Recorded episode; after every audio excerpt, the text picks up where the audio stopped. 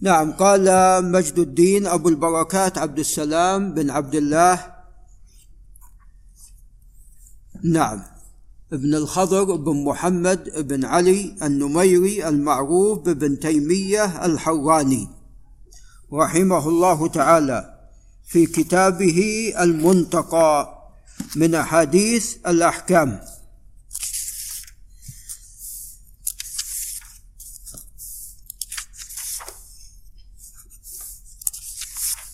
قال في كتاب الصيام.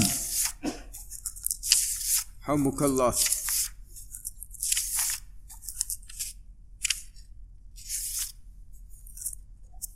نعم. قال باب ما جاء في يوم الغيم والشك. وتقدم لنا أن الشهر يثبت بأحد أمرين. إما بإكمال العدة ثلاثين يوما.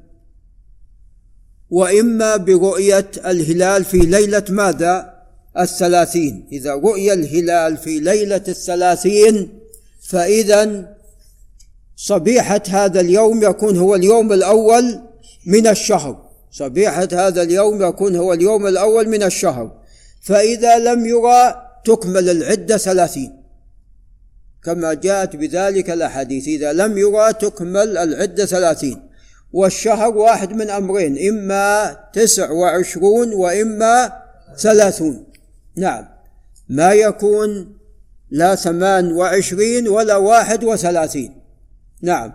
ولذا النصارى بما أن عندهم بعض الأشهر واحد وثلاثين وعندهم ثمانية وعشرين يحتاجون كل أربع سنوات إلى ما يسمى بسنة كبيسة. حتى يعدلوا يعدلون حسابهم. وهذا من جملة ما غيروه. هذا من جملة ما غيروه. والله أعلم كما ذكر. وأن الأصل في الحساب هو الحساب القمري. نعم هذا هو الأصل في حساب الشهر. نعم. هناك من قال من أهل العلم أيضا يثبت دخول الشهر في ليلة الثلاثين إذا حال دون دون رؤية الهلال غيم أو قتر. فإنه في صبيحة هذه الليلة يكون هو اليوم الأول من أيام ماذا؟ من أيام الشهر. نعم. ويستدلون بقول الرسول عليه الصلاة والسلام فاقدروا له. يعني ضيقوا عليه فمن قدر عليه رزقه فلينفق مما آتاه الله أي من ضيق عليه. لكن الصواب أن فاقدروا له أي أكملوا العدة ثلاثين يوما. كما جاء ذلك في الأحاديث تفسير ذلك. نعم وقد تقدم لنا الكلام في هذا فالمصنف وهذا يقول به الحنابلة.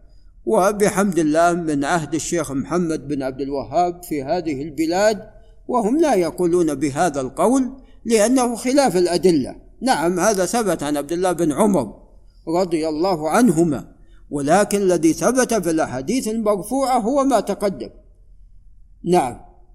ولذا تقدم لنا أنه إذا حال دون رؤيته قتر أو غيم فأكملوا العدة ثلاثين يوما. نعم. ولذا قال فإن غم عليكم فأتموا ثلاثين. نعم. ولذا قال أبو العباس بن تيمية حفيد المصنف قال أن الإمام أحمد كان يستحب ولا يوجب. نعم. والصواب أن هذا يوم شك فلا يصام نعم. إلا شخص كان يصوم ماذا؟ يصوم صوما. يعني معتاد على الصيام يكثر من الصيام في شعبان أو يصوم الاثنين والخميس فوافق ذلك في صيامه. نعم فهذا نعم يصوم. وليس وليس هذا الصيام منه من أجل الشك. قال إن كان أخشى أخشى أن يكون من رمضان. فإن كان من رمضان فبها وإلا يحسب لي صيام تطوع. نقول لا. جاء النهي عن صيام يوم الشك والحكمة في هذا والله أعلم من أجل التفريق ما بين الشيء الواجب والشيء غير الواجب. نعم. ولذا الشهر لا يجوز أنك تتقدمه ولا يجوز أيضا أنك تصوم اليوم الأول من شوال يوم العيد. فيكون رمضان في هذه الحالة متميز ولا غير متميز؟ يكون متميز. ولذا حكى ابن الحاج المالكي. عن بعض الناس أنهم والعياذ بالله كانوا يشبكون صيام ستة من شوال برمضان فيصومون ستة وثلاثين يوم ثم اليوم السابع من شوال يكون هو اليوم العيد. يكون هو يوم العيد. هذا ذكر ابن الحاج. هذا قد ذكره في كتابه. نعم. فالشرع جاء بالتمييز ما بين الواجب وما بين غيره. ولذا إذا أقيمت الصلاة فلا صلاة إلا التي أقيمت. في رواية إلا المكتوبة وفي رواية إلا التي أقيمت. نعم. إن كنت في نافلة فاقطعها إلا إذا كنت أنت في نهايتها. نعم. وقطع النافلة طبعا يكون بلا سلام. تقطعها و نعم. فالشرع جاء بالتفريق. قال عن ابن عمر رضي الله عنهما عن رسول الله صلى الله عليه وسلم إذا رأيتموه فصوموا إذا رأينا الهلال وإذا رأيتموه فأفطروا إذا رأينا الهلال فإن غم عليكم فاقدروا له. أخرجاه. يعني في الصحيحين. هما والنسائي وابن وابن ماجه. هما والنسائي وابن ماجه. قال وفي لفظ الشهر تسع وعشرون ليلة. فلا تصوموا حتى تروه. فإن غم عليكم فأكملوا العدة ماذا؟ ثلاثين. فهذه رواية تفسر الرواية السابقة. قال رواه البخاري. وفي لفظ أنه ذكر رمضان فضرب بيديه فقال الشهر هكذا وهكذا وهكذا ثم عقد إبهامه في الثالثة يعني ثلاثون أو تسع وعشرون. صوموا لرؤيته وأفطروا لرؤيته فإن غم عليكم فاقدروا ثلاثين. رواه مسلم. وفي رواية أنه قال إنما الشهر تسع وعشرون. فلا تصوموا حتى تروه ولا تفطروا حتى تروه فإن غم عليكم فاقدروا له. رواه مسلم وأحمد وزاد قال نافع.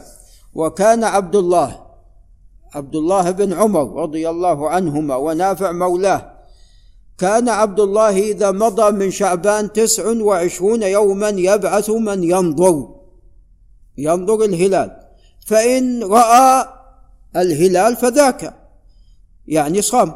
وإن لم يرى ولم يحل دون منظره سحاب أو قتر أي غبرة أصبح مفطرا. وإن حال دون منظره سحاب أو قتر أصبح صائما.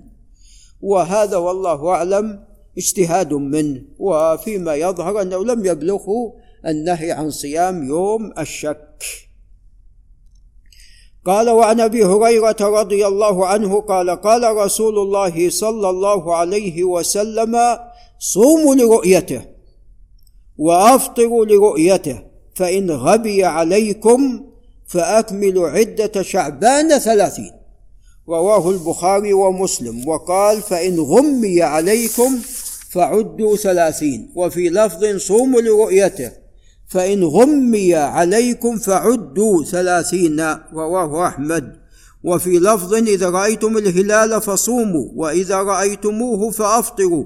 فإن غم عليكم فعدوا ثلاثين يوما رواه أحمد ومسلم وابن ماجة والنسائي. وفي لفظ صوموا لرؤيته وأفطروا لرؤيته فإن غم عليكم فعدوا ثلاثين ثم أفطروا رواه أحمد والترمذي وصححه وهو صحيح. وعن ابن عباس رضي الله عنهما قال قال رسول الله صلى الله عليه وسلم صوموا لرؤيته وأفطروا لرؤيته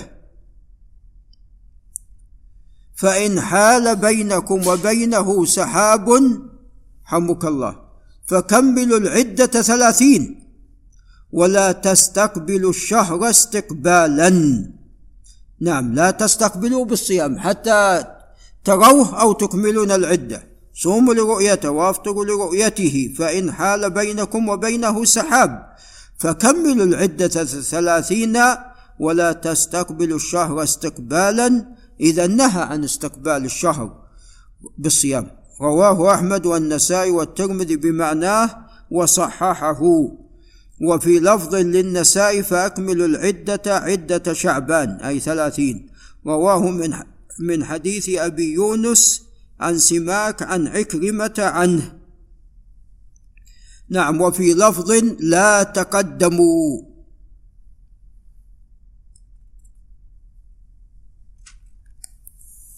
لا تقدموا الشهر بصيام يوم ولا يومين. إلا أن يكون شيئا يصومه أحدكم. يعني معتاد على صيام الاثنين والخميس أو الاكثار من شعبان ولا تصوموا حتى تروه ثم صوموا حتى تروه. فإن حال دونه غمامة فأتموا العدة ثلاثين ثم أفطروا. قال رواه أبو داود. قال وعن وهذا ثم أفطروا بالمعنى لأن تفرد بها زائدة بن قدامة. قال وعن عائشة رضي الله عنها وعن أبيها قالت نعم وهذا طبعا لا بأس بإسناده وقد رواه شعبة عن سماك بن حرب عن عكرمة عن ابن عباس. قال وعن عائشة رضي الله عنها وعن أبيها قالت كان رسول الله صلى الله عليه وسلم يتحفظ من هلال شعبان ما لا يتحفظه من غيره لأن بعده ماذا؟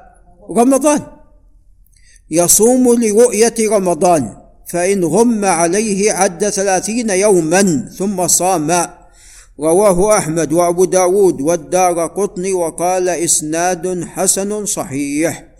نعم ونذهب إلى ما ذهب إليه الدار قطني. فقد جاء من حديث معاوية بن صالح الحضرمي عن عبد الله بن أبي قيس قال سمعت عائشة وهذا إسناد حسن وقد صححه ابن خزيمة وابن حبان. والحاكم وتقدم كلام الدار قطني. قال ابن حجر إسناده صحيح. قال وعن حذيفة ابن اليمان العبسي رضي الله عنه وعبس من غطفان وبقايا عبس الرشايدة الآن. قال قال رسول الله صلى الله عليه وسلم لا تقدموا الشهر حتى تروا الهلال أو تكملوا العدة ثم صوموا حتى تروا الهلال أو تكملوا العدة. رواه أبو داود والنسائي.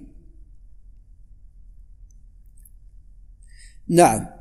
وطبعا يعني الصواب في هذا عن ربع بن حراش عن رجل من أصحاب النبي صلى الله عليه وسلم والصحابة كلهم عدول.